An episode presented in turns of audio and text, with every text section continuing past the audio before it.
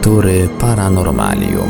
Dziś w lekturach Paranormalium sięgniemy po jedną z książek Lucjana Znicza z cyklu Goście z kosmosu, a mianowicie Katastrofa tunguska, Trójkąt Bermudzki, Obce ślady. Tytuł książki mówi właściwie wszystko. Przedstawione w przystępny dla czytelnika sposób informacje na temat słynnej katastrofy tunguskiej, osławionego obszaru na Atlantyku zwanego Trójkątem Bermudzkim oraz różnych mających miejsce na Ziemi anomaliów. Książkę tę na naszej antenie prezentujemy w odcinkach w całości.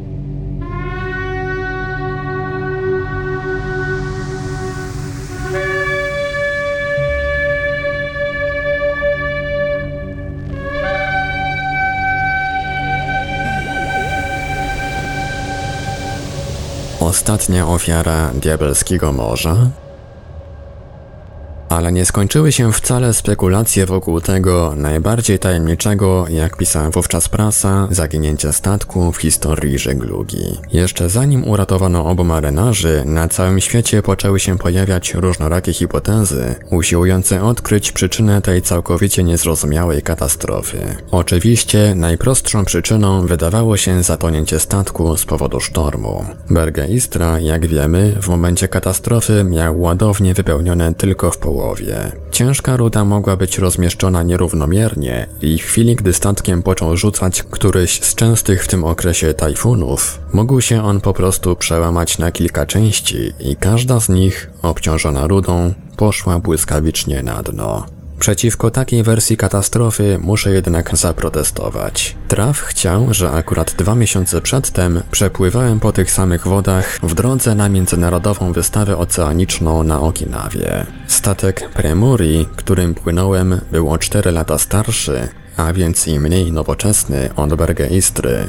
Rozmiary jego największego pokładu wynosiły 122 na 16 metrów, a więc był ponad ośmiokrotnie mniejszy, a już jeśli chodzi o tonaż, 4721 BRT to w ogóle nie nadawał się do żadnych porównań. Słowem, wobec norweskiego kolosa była to niemal łupinka. W dodatku mieliśmy przyjemność wpaść właśnie na jeden z październikowych tajfunów, na tyle silnych, że po 9 godzinach walki o godzinie pierwszej w nocy kapitan zawiadomił poobijanych pasażerów, że musi zmienić kurs, aby zejść z drogi burzy.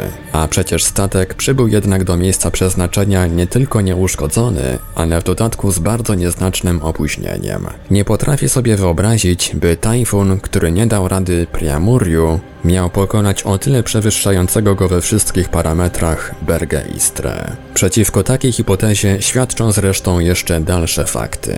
Norweski rudotankowiec, jak już podawałem, zaopatrzony był w specjalne burtowe komory wypornościowe, które uniemożliwiały mu zatonięcie. Na wypadek zniszczenia tych komór posiadał jeszcze we wnętrzu kadłuba wodoszczelne, automatycznie zamykające się grodzie, które w wypadku zalenia fragmentu statku, a nawet przełamania go na części, powinny były utrzymać go na powierzchni wody. Wreszcie, w chwili katastrofy, dodatkowe zabezpieczenie przed zatonięciem dawały wypełnione gazem i szczelnie zamknięte zbiorniki po ropie.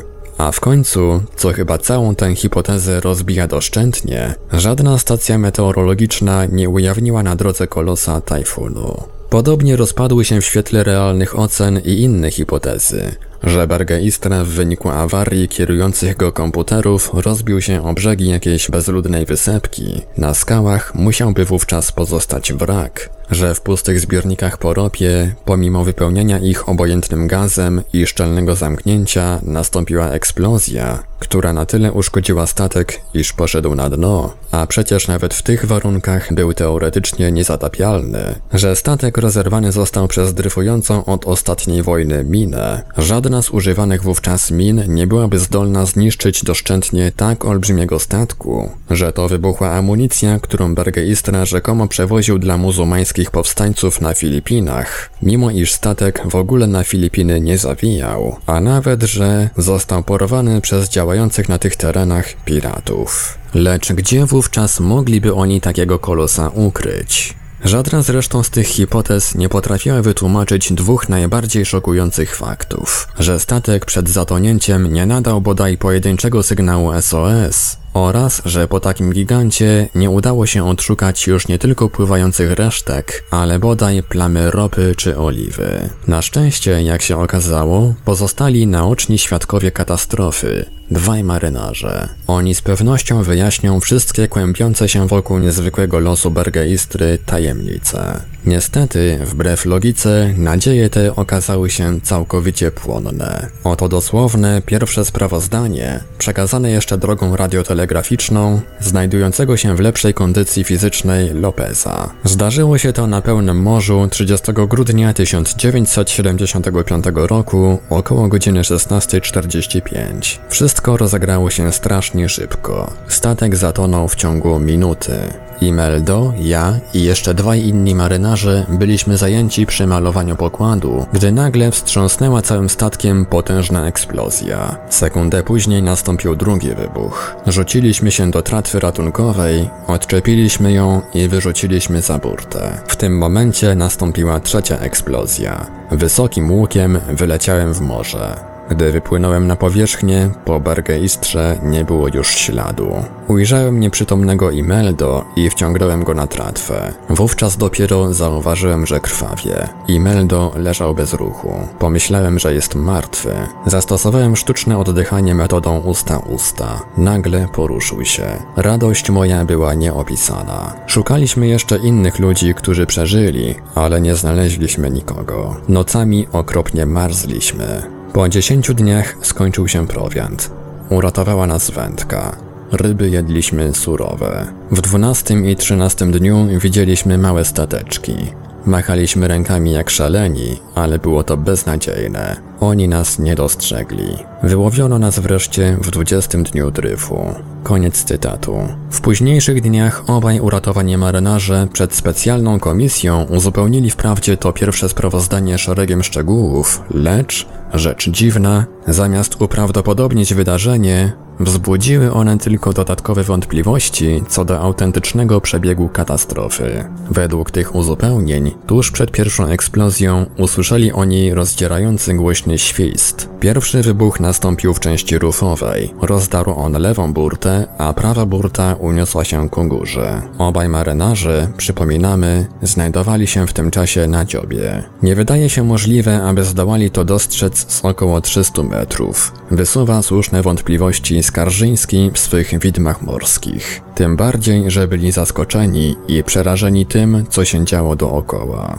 Kilka sekund później nastąpił również z lewej strony drugi wybuch. Między drugim a trzecim wybuchem minęło kilkanaście sekund. Trudno sobie wyobrazić, aby w ciągu tak krótkiego czasu marynarze potrafili dobiec z dzioba do stanowisk tratw, jedną z nich odsumować i spuścić na morze. Tymczasem, zgodnie z ich sprawozdaniem, w chwili gdy nastąpił trzeci wybuch, który wyrzucił w powietrze lewoburtową część kadłuba i dziób statku, wraz z nim zostali zdmuchnięci do morza obaj marynarze, którzy znaleźli tam zrzuconą poprzednio przez nich tratwę. Cytat ze Skarżyńskiego. W krótkim czasie obydwaj marynarze zdołali, jak twierdzą, nie tylko zapamiętać poszczególne fazy katastrofy, ale i rozpoznać strony, z których dochodziły odgłosy detonacji. Taka drobiazgowość opisu rozgrywających się scen nie zasługuje na zaufanie. Koniec cytatu.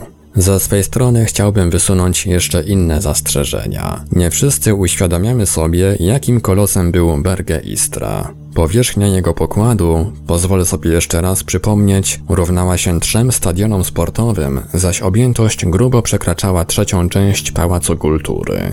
Czy możemy sobie wyobrazić, jak gigantyczny lej powstaje na morzu, gdy taki kolos idzie nagle prosto na dno? Nie wyobrażam sobie, by ten potworny lej nie wciągnął za sobą w głąb morza wszystkiego, co znajdowało się w promieniu dziesiątków, a może nawet i setek metrów wokół statku. Tymczasem tratwa, jak i obaj uratowani marynarze, zgodnie z zeznaniem Lopeza, znajdować się musieli nie więcej niż 10 metrów od burty i gdy wyrzucony wybuchem Lopez po kilku sekundach wynurzył się z wody, wokół zauważył tylko gładkie morze. Kto w to uwierzy? Na marginesie zresztą całej historii z Bergeistrą chciałbym jeszcze podkreślić trudności, z jakimi boryka się każdy, kto próbuje dociec prawdy o jakimkolwiek tajemniczym wypadku na podstawie docierających do nas informacji z całego świata. Katastrofa Bergeistry wydarzyła się przecież zaledwie parę lat temu, oczywiście parę w momencie pisania tej książki,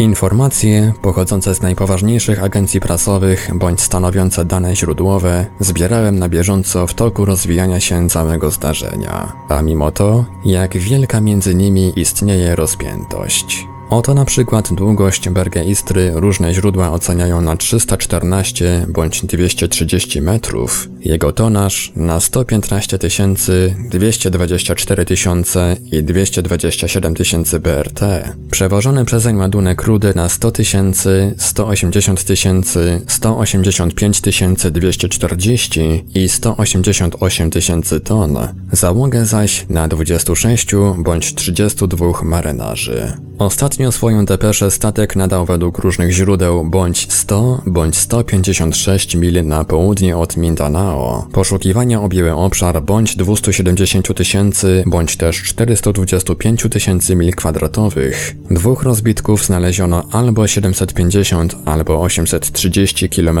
na północ od Nowej Gwinei. Przy czym główny świadek katastrofy, Lopez, miał imiona Epifanio Pedrom bądź też Estisanto Terrodomo.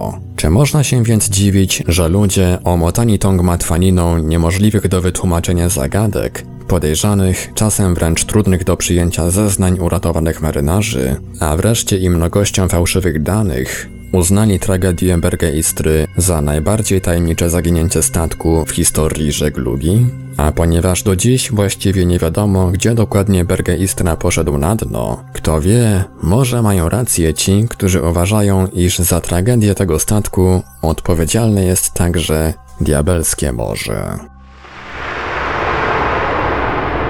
Lektury Paranormalium Trójkąt Bermudzki Rozdział piąty Przegląd hipotez katastrof na świecie. Od superpiorunów do podmorskich przepaści. O ile niewiele mamy informacji o tajemniczych katastrofach, które ponoć raz po raz powtarzają się na diabelskim morzu, o tyle jeszcze mniej mamy usiłujących wytłumaczyć je hipotez. I to wytłumaczyć przede wszystkim zjawiskami naturalnymi, rozgrywającymi się nad, na lub nawet pod tym akwenem.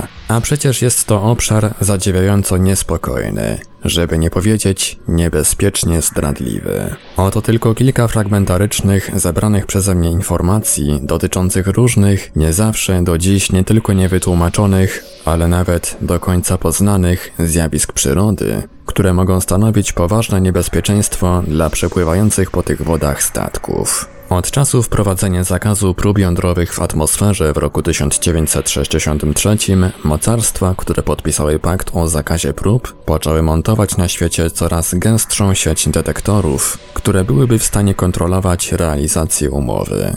Jak wiemy, zakaz ten przez nikogo z sygnatariuszy nie został dotychczas złamany, ale przeznaczone do kontroli detektory oddały ludzkości inne, niezmiernie ważne przysługi. Zainstalowane na powierzchni Ziemi liczne sejsmometry, które miały rejestrować wstrząsy w wyniku wybuchów jądrowych, dostarczają bez przerwy wiele bardzo cennych informacji dotyczących trzęsień Ziemi. Wysłane satelity zwiadowcze, mające rejestrować powstające podczas wybuchów jądrowych promieniowanie gamma, nieoczekiwanie odkryły tego typu promieniowanie na wielu ciałach niebieskich. Wreszcie inne satelity, zaopatrzone w rejestratory, również towarzyszących eksplozjom jądrowym wybuchów świetlnych, istotnie odkrywają co pewien czas takie wybuchy w najwyższych warstwach atmosfery naszego globu.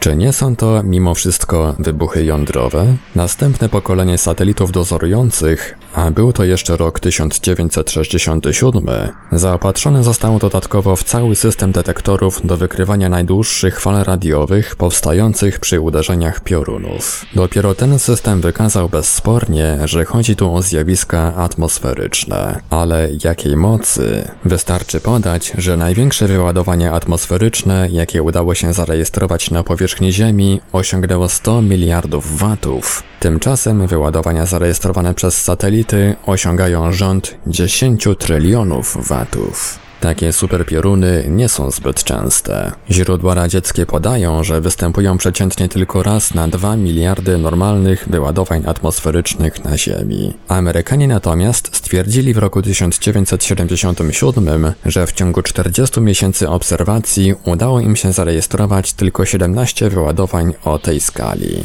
Rzecz szczególna jednak, Wszystkie źródła zgodne są co do tego, że większość tych superpiorunów ogniskuje się nad północno-wschodnim Pacyfikiem, w obszarze leżącym w pobliżu Wysp Japońskich. Niewykluczone, iż poza tymi niezwykłymi zjawiskami atmosferycznymi na obszarze Diabelskiego Morza mają miejsce także nieznane nam do dziś perturbacje rozgrywające się w głębinach morskich. Niedalej jak w marcu 1978 roku amerykański statek oceanograficzny Melville podczas prac badawczych na Oceanie Spokojnym nieoczekiwanie odkrył nowy, zupełnie nieznany prąd morski. Prawda, Melville pływał na południowych wodach Pacyfiku i odkrycie jego dotyczy zimnych prądów płynących z Antarktydy na północ, ku równikowi. Pamiętajmy jednak, jak bardzo zagmatwana jest sprawa prądów także w północnej części Oceanu Spokojnego, a już w szczególności w najbliższych okolicach Diabelskiego Morza.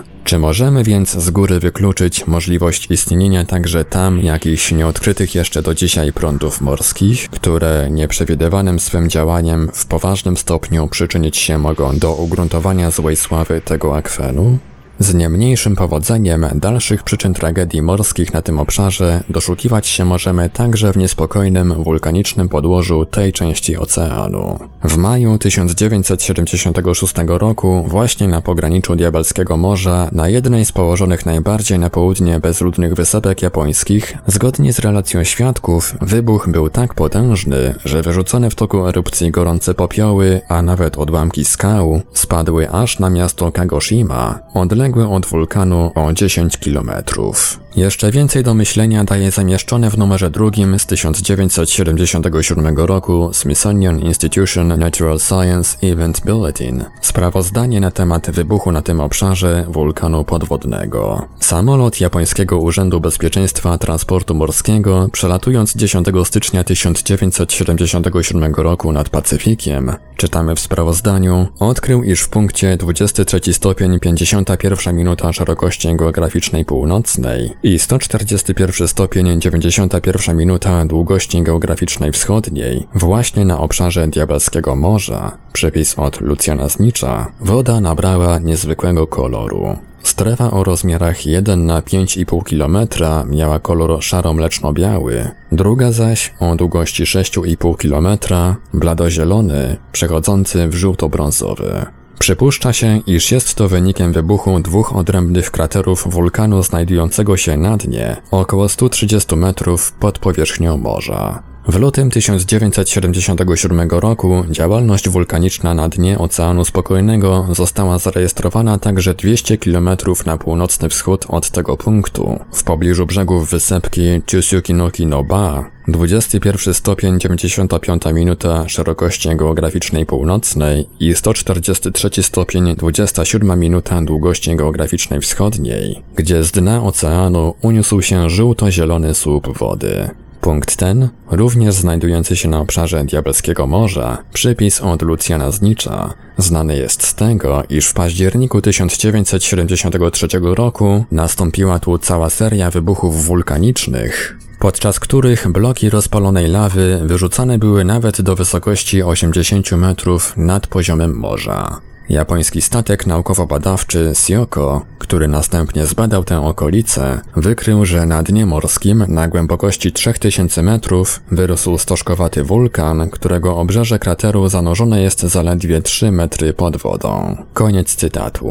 W świetle tych danych nie można wykluczyć, iż niektóre zaginione na diabelskim morzu statki z wyjątkiem wszakże Bergeistry, los swój zawdzięczają właśnie nieoczekiwanym wybuchom podwodnych wulkanów. Janisławski w swym trójkącie śmierci zalicza do nich także zaginiony w dniu 18 września 1952 roku japoński statek rybacki Dzioji Myoimaru. Może nawet istotnie tak było. Stwierdzenie jednak autora, iż, cytat, przy badaniu próbek lawy pobranych w tym rejonie z dna morza stwierdzono w ich składzie mikrodrobinki pochodzące z zaginionego statku rybackiego, co świadczy, że wybuch był potężny, skoro ze statku pozostały tylko cząsteczki oglądane pod mikroskopem, ja osobiście tylko między bajki włożę. Jeszcze częstszym od wulkanów zjawiskiem geologicznym na całym terenie Pacyfiku są podmorskie trzęsienia ziemi. Oto tylko kilka przykładowych informacji, które dotarły do mnie ostatnio. 11 lutego 1978 roku zarejestrowano silne trzęsienie ziemi 7,3 stopnia w skali Richtera w rejonie wysp Kermadec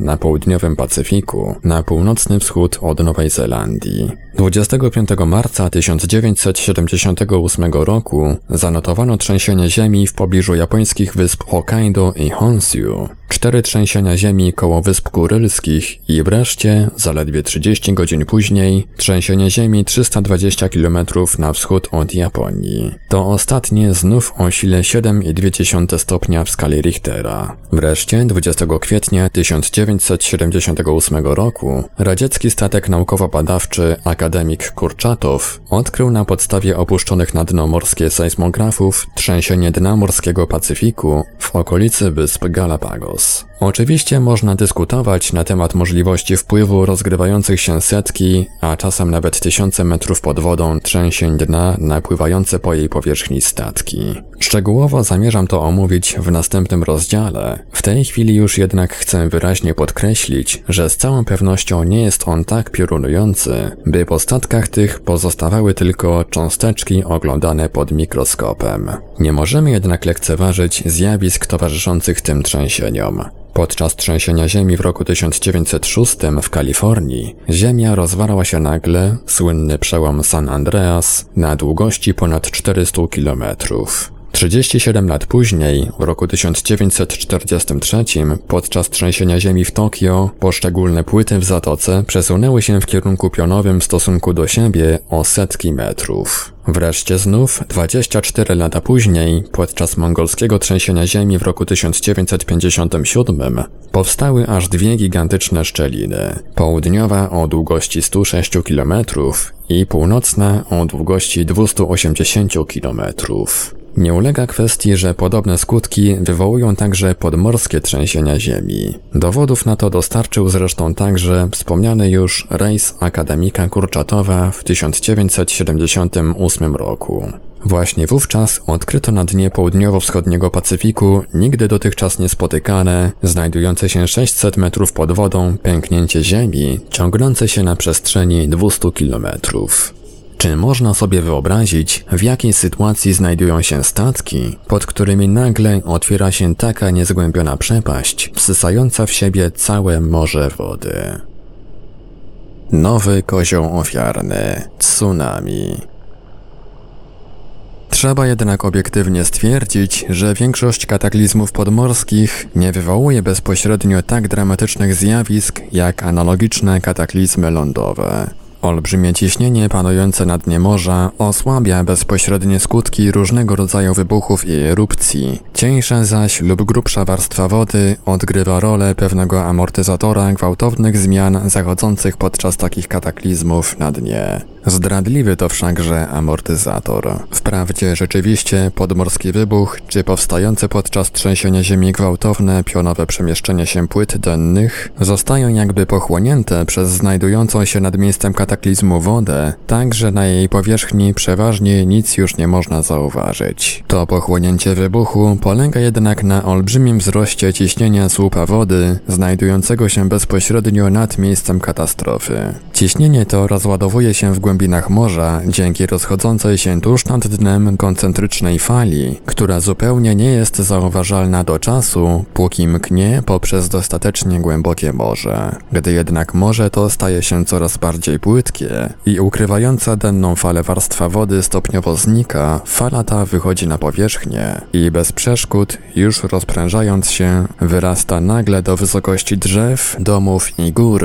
i zwala się w postaci najstraszniejszego chyba z wybrzeża morskie żywiołów, nazwanego przez Japończyków tsunami. Obszerna, głównie zresztą japońska, bibliografia tego zagadnienia wymienia trzy podstawowe przyczyny powstawania tsunami. Obrywanie się i spadanie do morza skał, wybuchy wulkanów i podmorskie trzęsienia ziemi. Oczywiście spadające skały wywołują tsunami stosunkowo najsłabsze i objawiające się na najmniejszym obszarze. Posuwa się ono jednak czasami dziesiątki kilometrów wzdłuż wybrzeża, w obie strony od miejsca osuwiska, niszcząc nadbrzeżne osady. Jeszcze większe spustoszenie sieją na ogół wybuchy wulkanów. Rozchodząca się od takiego, głównie podmorskiego krateru koncentryczna fala Zupełnie niedostrzegalnie pod wodą rozszerza często okrąg ciśnienia na odległość setek, a nawet tysięcy kilometrów, by potem nagle spłukać jakieś samotne wyspy, zaatakować półwysep czy spiętrzyć się w cieśninie lub zatoce. Niewątpliwie najbardziej jednak niebezpieczne i najtrudniejsze do przewidzenia tsunami powstają podczas trzęsień ziemi. Tym razem, w odróżnieniu od wybuchów wulkanów, fale rozchodzą się przeważnie tylko w dwóch kierunkach a mianowicie prostopadle od linii pęknięcia tektonicznego. Dzięki temu wybrzeża leżące czasem tuż obok epicentrum trzęsienia Ziemi wychodzą bez szwanku, podczas gdy inne, odległe nierzadko o tysiące kilometrów, ale leżące na prostopadłej od linii podwodnego pęknięcia, ulegają całkowitemu spustoszeniu. A skala tych spustoszeń jest rzeczywiście przerażająca. Według różnych źródeł prędkość posuwającego się tsunami osiąga od 650 do 800 km na godzinę. Wysokość zaś rozprężającej się nagle fali od 20 do 60 metrów. Czy potrafimy to sobie wyobrazić? Wał wody wysokości 20-piętrowego wieżowca wpadający na brzeg z prędkością odrzutowego samolotu. Nic dziwnego, że tsunami, które w październiku 1746 roku uderzyło w port Kaleo, tuż obok Limy na peruwiańskim wybrzeżu Pacyfiku, spośród 23 znajdujących się w porcie statków zatopiło aż 19, a pozostałe 4 wyrzuciło na brzeg. Przy czym angielska fregata San Ferman wylądowała na szczycie pobliskiego wzgórza. Spośród mieszkańców miasta uszło wówczas z życiem zaledwie 200 osób. Niecałe pół wieku później, gdy w roku 1792 z japońskiego wulkanu Ansendak spadło do zatoki portu Nagasaki potężne osypisko skalne, powstałe tsunami pozbawiło życia 12 tysięcy osób. W sierpniu 1868 roku tsunami wywołane przez trzęsienie ziemi w rejonie miasta Arica w Peru wyrzuciło wszystkie stojące w porcie statki w kilkunastu powtarzających się po sobie co kwadrans falach daleko na brzeg, a amerykańska kanonierka Watery znalazła się nawet dwie mile od portu w środku dziewiczego lasu. Również w sierpniu 1883 roku, podczas wybuchu wulkanu Krakatału między Jawą a Sumatrą, zniszczone zostały wszystkie stojące w pobliskich portach statki, a ponadto 163 nadbrzeżne miejscowości, w których straciło życie 36 tysięcy ludzi.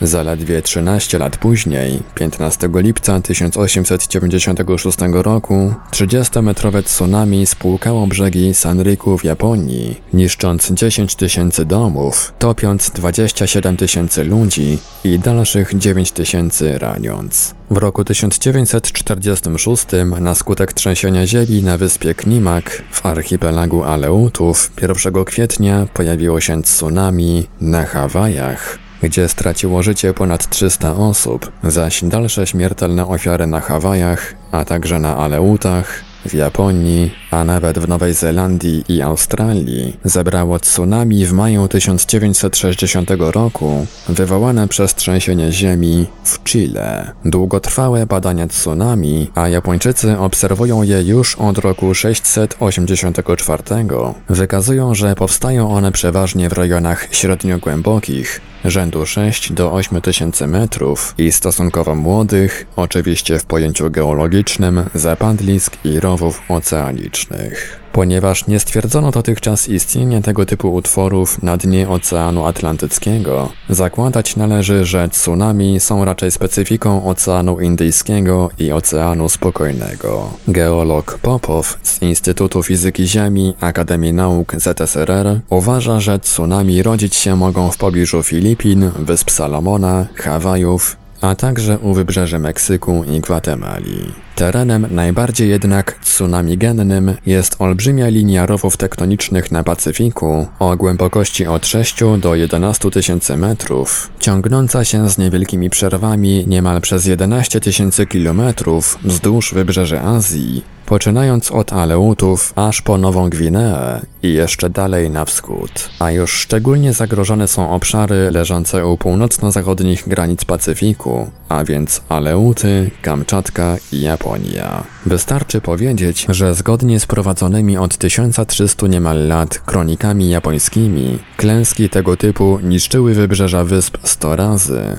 Przy czym, dzięki bardziej szczegółowej rejestracji, zaledwie w ciągu ostatnich 30 lat zanotowano tu aż 20 mniejszych lub większych fal tsunami. Wszystkie one toczą się w kierunku Japonii gdzieś ze wschodu, z nad rowu japońskiego, bądź z położonego bardziej na południe rowu Izu Ogasawara, a więc zanim dotrą do wschodnich brzegów wysp, przewalić się muszą także przez akwen Diabelskiego Morza. Może więc to właśnie, jak to czyni wielu autorów, tsunami należy obarczyć odpowiedzialnością za tajemnicze tragedie na tym obszarze.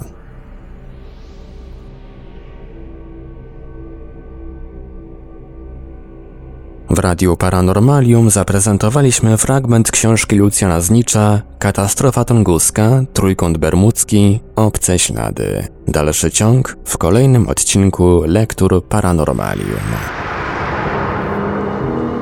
Archiwalne odcinki Lektur Paranormalium znajdziesz do pobrania w archiwum naszego radia na stronie www.paranormalium.pl.